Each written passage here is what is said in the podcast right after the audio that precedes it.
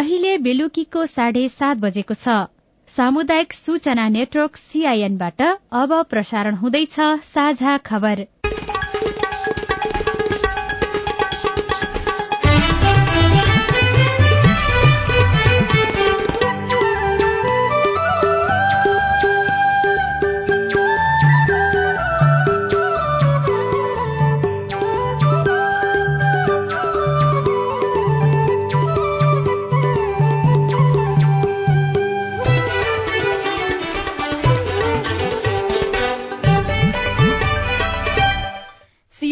साझा खबरबाट सोभिता रिसालको नमस्कार। साझा खबर देशभरिका सामुदायिक रेडियो सीआईएन खबर र मोबाइल एप सीआईएनमा पनि सुन्न सकिन्छ।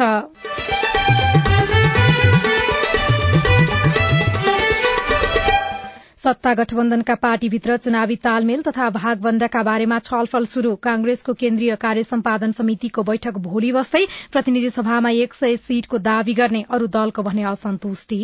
भोलि छलफल गर्दै जाँदा सय सिट मात्रै हुन्छ भन्ने पनि छैन। त्योभन्दा बढी हुन पनि सक्छ त्योभन्दा पनि कम हुन पनि सक्छ। निर्वाचनका लागि आयोगमा तेत्तीस राजनैतिक दल दर्ता उम्मेद्वार सिफारिश गर्ने क्रम शुरू आन्दोलनरत मिटर ब्याजी पीड़ितसँग सरकारको संवाद परम्परागत उद्यमलाई व्यावसायिक बनाउने प्रदेश नम्बर एक सरकारको नीति। छिटको साडी भन्ने लोभ भइसकेको थियो त्यसले नयाँ दर्ता गर र एउटा संस्था जस्तै दर्ता गरेर चाहिँ तपाईँहरू अगाडि बढ्नुहोस्। गाउँ तहसम्म अझै पुगेन बिजुली। विद्यार्थीको पढ़ाई लेखाई प्रभावित। नागरिकतामा भएको नाम सच्याउन चाहनेहरू बढे। खोला किनारमा लाखौं नागरिक जोखिमयुक्त जीवन बिताउँदै खोलाको नजिकै अब जीविकोपार्जन गर्नको लागि धेरै उपलब्ध स्रोत साधनहरू भएको हुनाले मान्छेहरू गएर बसेको छ र जोखिम बढेको चाहिँ देखिन्छ। र सत्र वर्ष मुनिको राष्ट्रिय पुरूष फुटबल टीमको बन्द प्रशिक्षणमा रहेका पन्ध्र खेलाड़ी बाहिरिए। नेपालको क्रिकेट टोलीले केन्यासँग खेल्ने टी ट्वेन्टी श्रृंखलाको तालिका सार्वजनिक।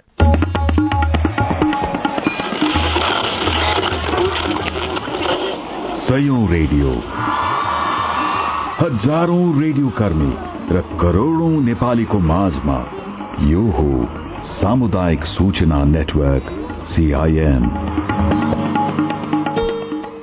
नेपालमा गत आर्थिक वर्षमा तीन अर्ब पन्ध्र करोड़ छयत्तर लाखको चिया निर्यात भएकोमा भारतमा मात्रै दुई अर्ब अन्ठानब्बे करोड़ अठासी लाख रूपियाँको चिया निर्यात भएको थियो।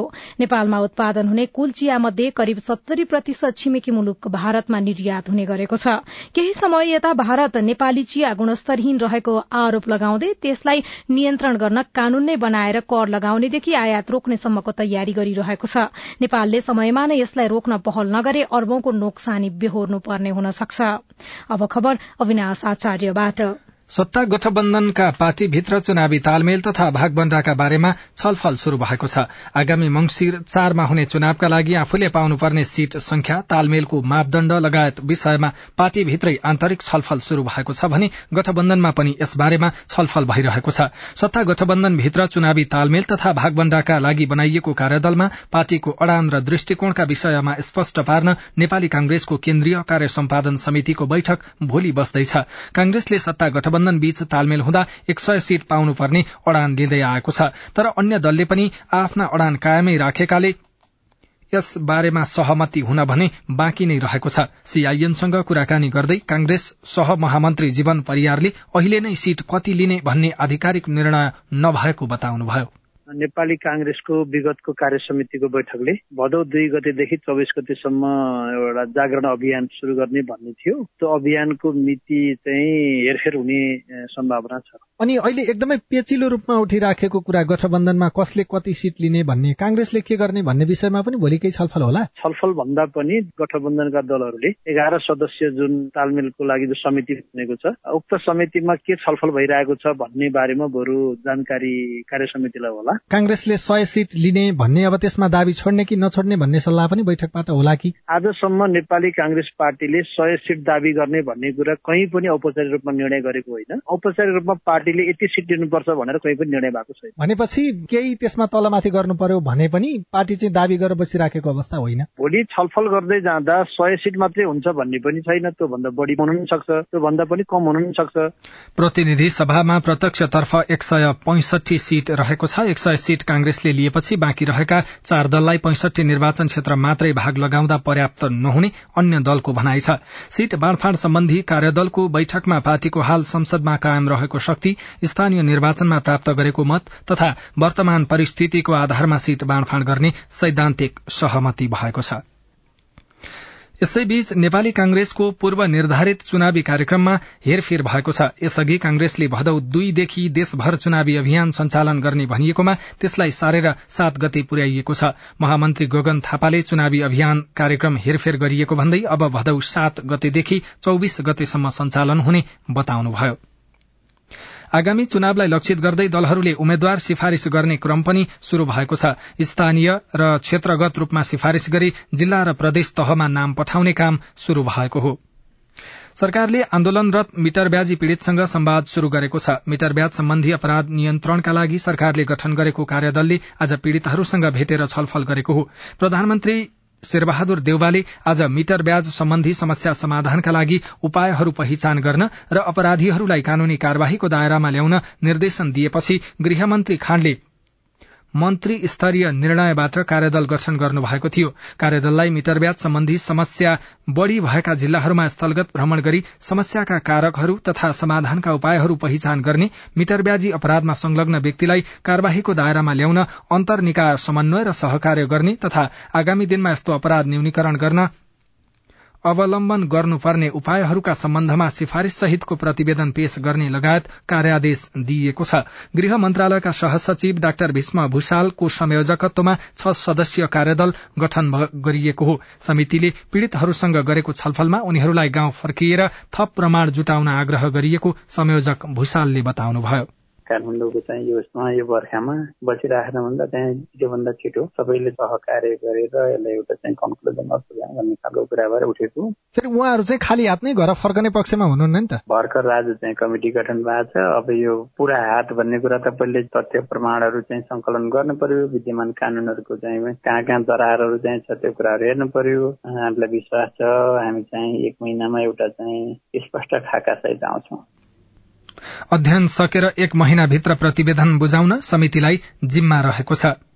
आगामी मंगिर चार गतेका लागि तय भएको प्रतिनिधि सभा र प्रदेशसभा निर्वाचनका लागि तेत्तीस राजनैतिक दल दर्ता भएका छन्। आज पाँच बजेसम्म यो संख्यामा दल दर्ता भएको आयोगका प्रवक्ता शालिग्राम शर्मा पौडेलले जानकारी दिनुभयो। आगामी साउन एकतीस गतेसम्मका लागि दल दर्ताको समय तोकिएको छ।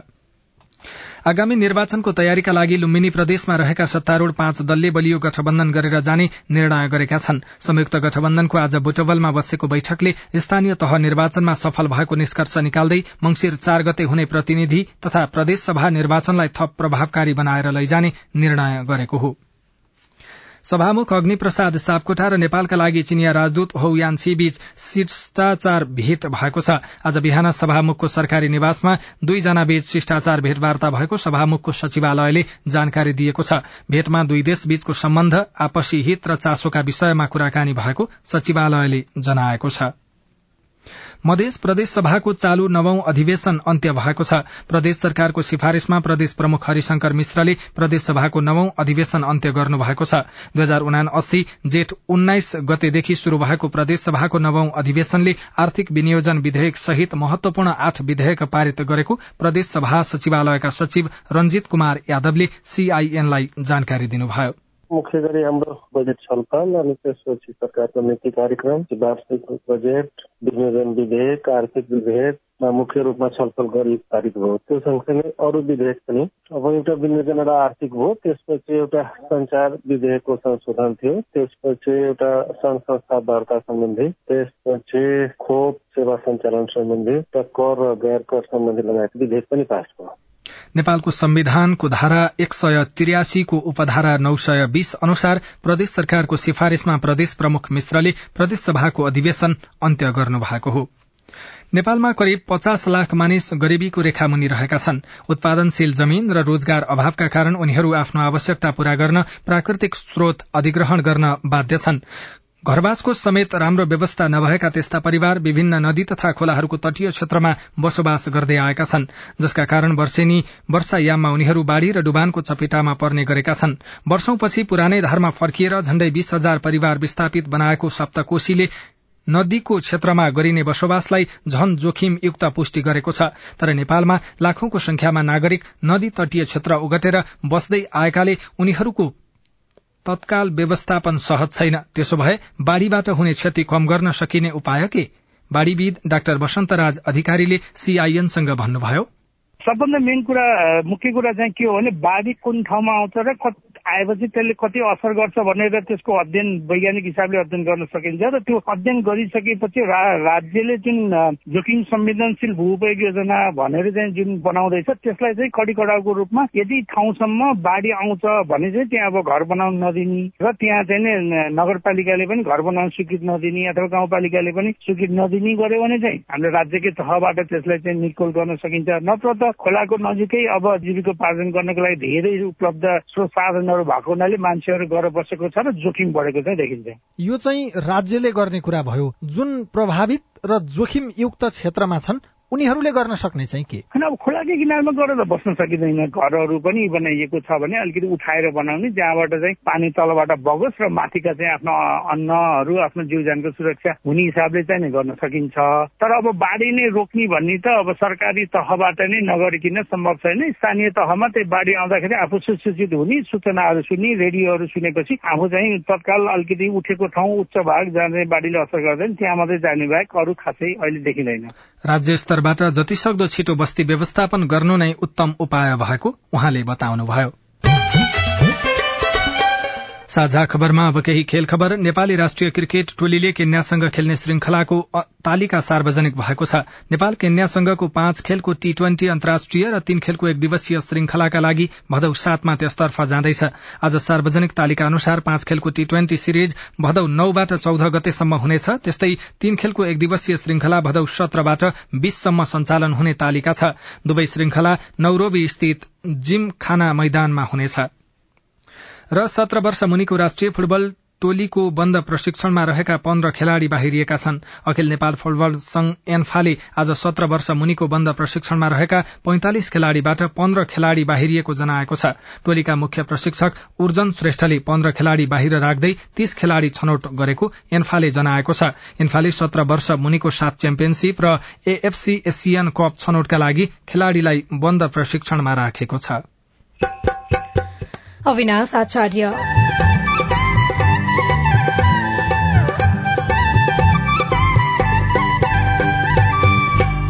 घुम्ती शिविरले दूरदराजका नागरिकलाई सजिलो।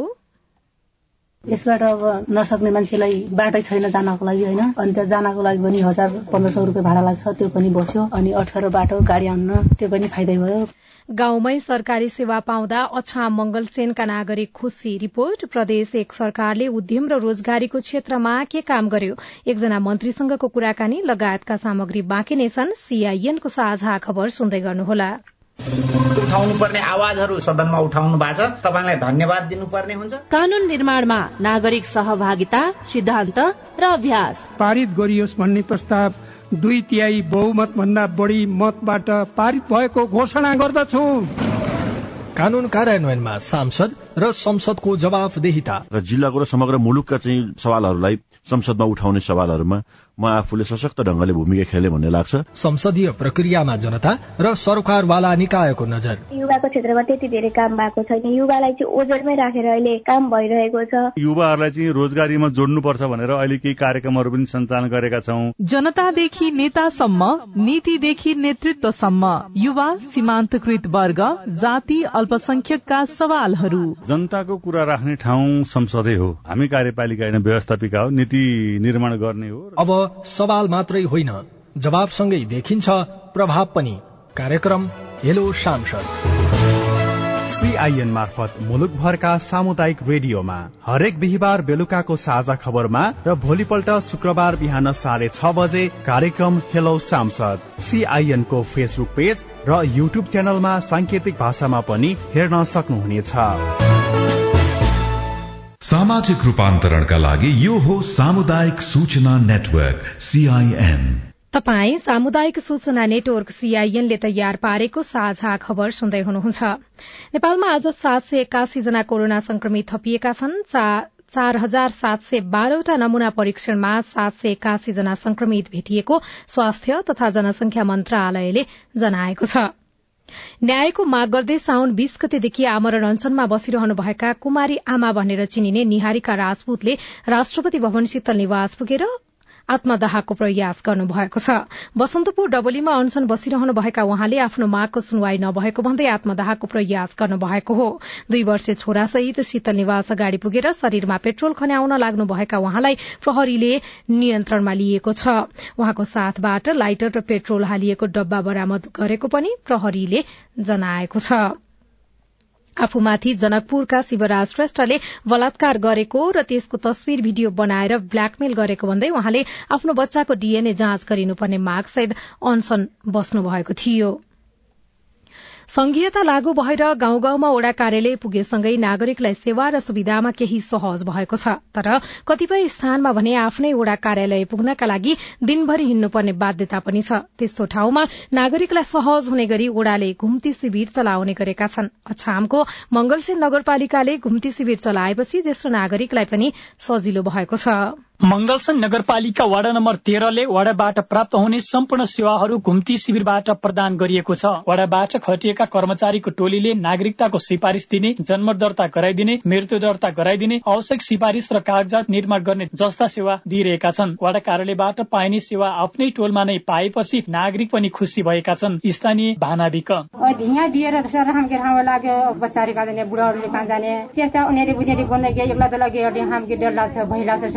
सबै यहीँ गाविसमा बस्ती गाविसमा हुनेछ मंगलसन नगरपालिकाले नगरका सबै वडामा एकीकृत घुम्ती सेवा सञ्चालन गरी नागरिकलाई घर दैलोमा नै सेवा दिइरहेको छ। विशेष गरी सामाजिक सुरक्षा भत्ता लिन ब्याङ्कसम्म धाउनु पर्दा समस्यामा परेका ज्येष्ठ नागरिक घर दैलोमै नै पाएपछि खुसी भएका छन्। स्थानीय गोरे नेपाली र ईश्वरी कुँवर। अहिले मान्छे मगलसिङ जाँदाखेरि उहाँको हजारदेखि दुई हजार रुपियाँ खर्च हुन्छ।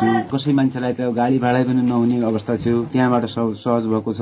यसबाट अब नसक्ने मान्छेलाई बाटै छैन जानको लागि होइन। अनि त्यहाँ जानको लागि पनि हजार पन्ध्र सौ रुपियाँ भाडा लाग्छ। त्यो पनि बस्यो अनि अठार बाटो गाडी आउन त्यो पनि फाइदै भयो। पालिकाले निश्चित दिन र समय तोकिएर सेवा दिइरहेको छ। नगरपालिकाले नगर सरकार जनताको घर घर कार्यक्रम अन्तर्गत साउन महिनाभरि नगरभरि कार्यक्रम सञ्चालन गरी सामाजिक सुरक्षा भत्ता पाउने लाभग्राहीको विवरण नवीकरण नयाँ लाभग्राहीको विवरण दर्ता एकीकृत सम्पत्ति कर मालपोत सेवा तथा व्यापार व्यवसाय दर्ता र नवीकरण सेवा दिएको हो। जनताको घर दैलोमै नै सेवा दिँदा वास्तविक विवरण आउने करको दायरा बढ्ने तथा यसबाट सुशासन कायम हुने मंगलसन नगरपालिकाका सुशासन समिति संयोजक तथा वार्ड नम्बर आठका अध्यक्ष ज्ञानेन्द्र बोहराको भनाइ छ। प्रत्यक्ष जनतासँग गएर हामी पनि सहकार्य भएर जोडेका हुन्छौँ। जनतासँग हाम्रो भेटघाट हुन्छ।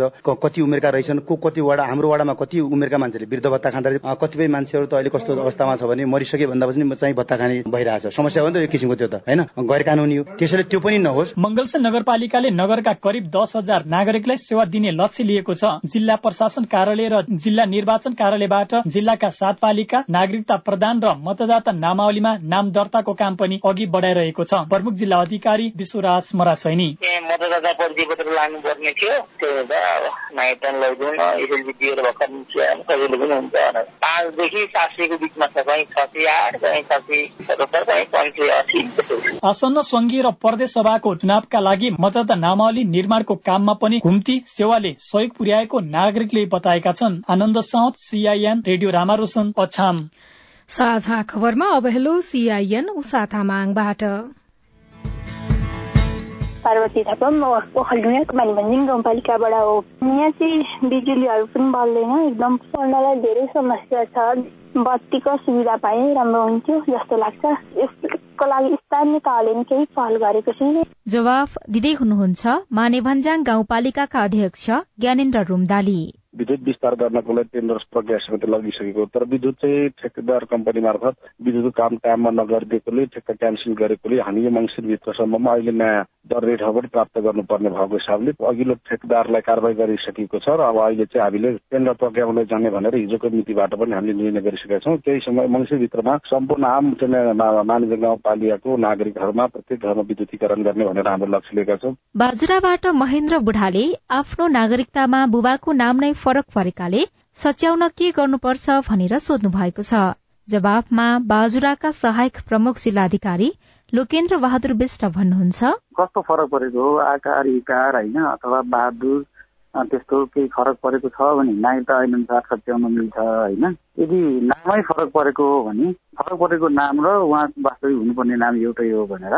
प्रमाणित गरेर लैजानुपर्छ। त्यही गर्न सकिन्छ। उहाँलाई चाहिँ जिल्ला प्रशासनमा पठाइदिनु होला। नमस्कार म ताप्लेजुङ जिल्ला फक्ताङ गाउँपालिका वार्ड नम्बर तिनबाट वीरेन्द्र लिम्बू। मैले नाति नक्सा भएको धनीपुर धारामा लिएर अलैँची खेती गरिरहेको छु। त्यसमा एकजना व्यक्तिले नक्सा नै नभएको र धनीपुर जात नभएको वन जग्गा अतिक्रमण गरी अलैँची खेती गरी मेरो अलैँची खेती भएको चाहिँ अतिक्रमण गरेर लगिदिएको छ। त्यसमा मैले कुन निकायमा उजुरी गर्दा न्याय पाउँछु होला? तपाईँको समस्या सुनेपछि हामीले फक्ताङलुङ गाउँपालिकाका उपाध्यक्ष रविन साम्रा लिम्बुलाई सम्पर्क गरेका छौं। उजुरी चाहिँ अब गाउँपालिकामा न्यायिक समितिको संयोजक म आफै स्वयं छु। आएर न्यायिक समितिलाई उजुरी दिएपछि के हो यथार्थ कुरा? म आफै स्वयं गएर त्यो बुझेर चाहिँ उहाँलाई अब यदि उहाँको त्यस्तो भएको भने त्यो दिलाउने बात म सिर्जना गर्छु। तपाई जुनसुकै बेला हाम्रो आइभीआर नम्बर शून्य एक बान्न साठी छ चार छमा फोन गरेर आफ्नो प्रश्न जिज्ञासा गुनासा तथा प्रतिक्रिया रेकर्ड गर्न सक्नुहुन्छ। तपाई सामुदायिक सूचना नेटवर्क सीआईएनले काठमाण्डुमा तयार पारेको साझा खबर सुन्दै हुनुहुन्छ। उद्यमीको संख्या बढ़ाउन प्रदेश सरकारको योजना के छ? जो काम गरिरहनु भएको छ दर्ता गर्नु भनेर घरेलुमा दर्ता गर्ने अनि घरेलु मार्फत योजनाहरू अनुदान पनि। प्रदेश नम्बर एकका उद्योग श्रम तथा रोजगार मन्त्रीसँगको कुराकानी बाँकी नै छ। सीआईएनको साझा खबर सुन्दै गर्नुहोला।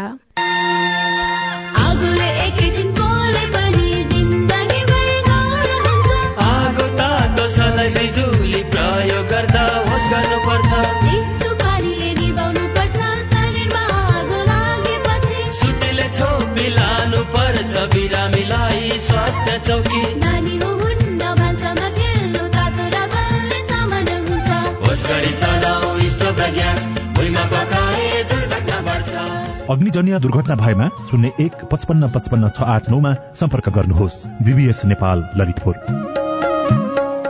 सामाजिक रूपान्तरणका लागि यो हो सामुदायिक सूचना नेटवर्क सीआईएन तपाई सामुदायिक सूचना नेटवर्क सीआईएनले काठमाण्डुमा तयार पारेको साझा खबर सुन्दै हुनुहुन्छ।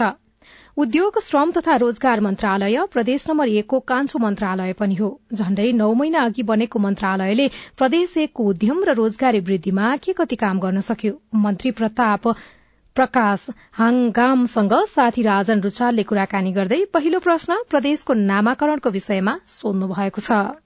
अब नाम दिनु सक्ने सम्भावनाहरू धेरै अगाडि अगाडि थियो।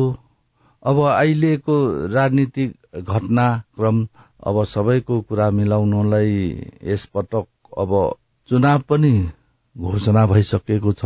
सकिँदैन जस्तो छ अब केही दिन अगाडि चाहिँ हुन्छ कि जस्तो लाग्यो नहुने कुरा के छ र अब हाम्रो चाहिँ दुई तिहाईको मत बनाएर हुन्छ जस्तो ल। अब अहिले सदन नै स्थगित भयो। सदनबाटै हो निर्णय गर्नुपर्ने। सदन नै नबसेपछि सदन नै नबसे कसरी हुन्छ? र यस कारणले मलाई अलिक अप्ठ्यारो लाग्दै आएको छ। यो अप्ठ्यारो त स्वाभाविक हिसाबले तपाईँलाई लाग्ने नै भयो। किनभनेदेखि पाँच वर्षको कार्यकाल गुजारिसक्न लाग्नुभयो। अहिलेसम्म प्रदेशको नाम दिन सक्नु भएको छैन। सबै प्रदेशले बाँकी छवटै प्रदेशले नाम दिइसक्दाखेरि पनि प्रदेश एक एउटा मात्रै त्यस्तो प्रदेश हो जसले आफ्नो नाम दिन सकेन। फेरि जनताको माझमा के भनेर जाने? प्रदेशको नाम पनि राख्न नसक्ने नेताहरूलाई जनताले भोट हाल्ने कि नहाल्ने फेरि? अब घटनाक्रमले अब जनतामा त अब जानु पर्यो नि। जनताले भन्न त पाए नि होइन नाम पनि दिन नसक्ने नेतालाई भोट किन हाल्ने भन्न त पाए नि जनताले। आफ्नो कुरा राख्दै राख्दाखेरि त्यो कुरा सही भयो भने त भोट जनताकै कुरा बोकेर जाने हो नि। तपाईँ एक वर्ष पनि भएको छैन मन्त्री बन्नुभयो छैन। दुई हजार अठहत्तर माघ महिनाको तेइस गते तपाईँ मन्त्री बन्नुभयो होइन? यो छोटो अवधिमा मन्त्री हुँदाखेरिको अनुभव कस्तो छ? संसद हुँदै पनि एउटा जिम्मेवार नै हो तर मन्त्री हुँदा सरकारको जिम्मामा बसेको छु। त्यतिखेरको अवस्थामा चाहिँ यस्तो लथालिङ्ग थियो। यो यो मन्त्रालय नै थिएन यसको विभागै थिएन। यो तपाईँकै लागि बनेको मन्त्रालय जस्तो भयो। अब मेरै लागि मलाई मन्त्री खुवाउनु लागि बनाएको जस्तो भयो। अब मन्त्रालय बस्ने ठाउँ बनाउनु पर्यो। तपाईँलाई मन्त्री खुवाउनको लागि नै बनाए जस्तो भयो। यो सुन्दाखेरि चाहिँ हाँसो लाग्दो जस्तो विषय सुनिन्छ। तर गम्भीर कुरा के छ भने यो चाहिँ समग्र प्रदेशको उद्योग श्रम र रोजगारको क्षेत्रमा काम गर्ने मन्त्रालय पनि हो। हजुर। धेरै मान्छे तपाईँको मन्त्रालयसँग धेरै मान्छेलाई तपाईँको मन्त्रालयले केही न केही कुराहरू दिन सक्छ। हजुर। यो बीचमा के के गर्नुभयो त? अहिले म जब मन्त्री भएदेखि त्यसको ऊहरू उद्योग श्रम रोजगार मन्त्री भएपछि मैले हरेक जिल्लाको घरेलु उद्योगहरूमा पुगे। त्यहाँ के छ त आवश्यकता? सम्भावना। सम्भावना। यसको अहिले के के गर्दै हुनुहुन्छ भनेर म पुग्दाखेरि एकजना सुब्बा सो सरहको कर्मचारी अनि एउटा पिउन त्यस्तै मात्रै बसेर आएको छु। वर्षमा दुई लाखदेखि चार लाख रुपियाँसम्म बजेट आउँछ। त्यसले धेरै कागज पत्र किन्नु अर्नु यताउति पनि पुग्दैन भनेर हामी दुःखका साथ बसेको छौं भन्नुभयो। अब म मन्त्री भए अब के के गर्नुपर्छ त यहाँ भनेर न कर्मचारीहरू अपुग छ कर्मचारी पनि ऊ गर्नु पर्यो यसको जिम्मेवारीमा धेरै कुराहरू आएको छ। यो वर्षको बजेट आउँदै गर्दाखेरि कर्मचारीहरू थप्नुभयो तपाईँले? कर्मचारीहरू अब थपिने उसमा छ। बजेट पनि थपिएको छ। त्यो बजेट थपिँदै गर्दाखेरि चाहिँ काम के थपियो? विकास के थपियो त? विकासको काममा के हो भने हरेक गाउँ घरमा अचार बनाउनेदेखि अचारको ऊ मार्केट खोज्नेदेखि सिलाइ बुनाइ कटाइ देखि हामीले अब चिया कफी बनाउनेदेखि बाँस बेतको देखि लिएर सबैले आफ्नो आफ्नो जो काम गरिरहनु भएको छ दर्ता गर्नु भनेर घरेलुमा दर्ता गर्ने अनि घरेलु मार्फत योजनाहरू अनुदान पनि। साना तथा घरेलु र मजौला उद्योगहरू चाहिँ कतिवटा खुल्यो तपाईँको कारणले। मेरो कारणले त कति खुल्यो खुल्यो। अब हरेक जिल्लामा उद्योग उद्योगी हुनुपर्छ। हामीले चाहिँ ओ साना उद्योगहरू परिचालन गर्नुपर्छ। हामी विदेश जानु हुँदैन। हामीले चाहिँ स्वदेशमै गरेर खानुपर्छ भनेर दर्ता गरेको गरेकै छ हरेक जिल्लामा। दर्ता गर्नु मात्रै पनि उपलब्धि होइन नि त। त्यहाँबाट कति मान्छेले रोजगारी पाए कति चाहिँ स्थानीय उत्पादनले बजार पायो कति मान्छेहरूले चाहिँ पैसा कमाउन सके कति मान्छेहरू विदेशबाट फर्किएर आएर त्यही काममा लागे त्यसको हिसाब किताब चाहियो नि त होइन। अब हिसाब किताब चाहिँ यो आर्थिक वर्षमा ऊ मात्रै हुन्छ। दर्ता गर्ने काम पनि जारी छ। हामीले जाने आफ्नो त्यो कसैले बाँसको दर्ता गरेको होला कसैले बेतको दर्ता गरेको होला कसैले जाने सिलाइ बुनाइ कटाइको कसैको अचारको र छिटको साडी भन्ने लोभ भइसकेको थियो त्यसले नयाँ दर्ता ऊ गर र बाँसको काइयो ओ बनाउ त्यसलाई नयाँ दर्ता गर भनेर पहिले चाहिँ त्यतिकै गाउँमा बसेर आफै बनाइ बस्थ्यो तर म मन्त्री भएपछि त्यसरी होइन। र एउटा संस्था जस्तै दर्ता गरेर चाहिँ तपाईँहरू अगाडि बढ्नुहोस् र सरकारले यसपटक धेरै दिनु नसके पनि अब दिनेछ सत्ता गठबन्धनका पार्टीभित्र चुनावी तालमेल तथा भागवण्डाका बारेमा छलफल शुरू भएको छ। कांग्रेसको केन्द्रीय कार्यसमिति को बैठक भोलि बस्दैछ। प्रतिनिधि सभामा एक सय सीटको दावी गर्ने तयारी कांग्रेसले गरेको छ तर अरू दलले भने असन्तुष्टि जनाएका छन्। निर्वाचनका लागि निर्वाचन आयोगमा तेत्तीसवटा राजनैतिक दल दर्ता भएका छन्। उम्मेद्वार सिफारिश गर्ने क्रम पनि शुरू भएको छ। आन्दोलनरत मिटर व्याजी पीड़ितसँग सरकारले संवाद गरेको छ। परम्परागत उद्यमलाई व्यावसायिक बनाउने प्रदेश नम्बर एक सरकारले नीति लिएको जनाएको छ। र गाउँ तहसम्म अझै पनि बिजुली पुगेको छैन। विद्यार्थीको पढ़ाई लेखाई प्रभावित भइरहेको छ। हवस् आजलाई साझा खबरको समय सकियो। प्राविधिक साथी सुनिल राज भारतलाई धन्यवाद। भोलि साउन अठाइस गते बिहान छ बजेको साझा खबरमा फेरि भेटौँला। अहिलेलाई सोभिता रिसाल पनि विदा हुन्छु। नमस्कार शुभरात्री।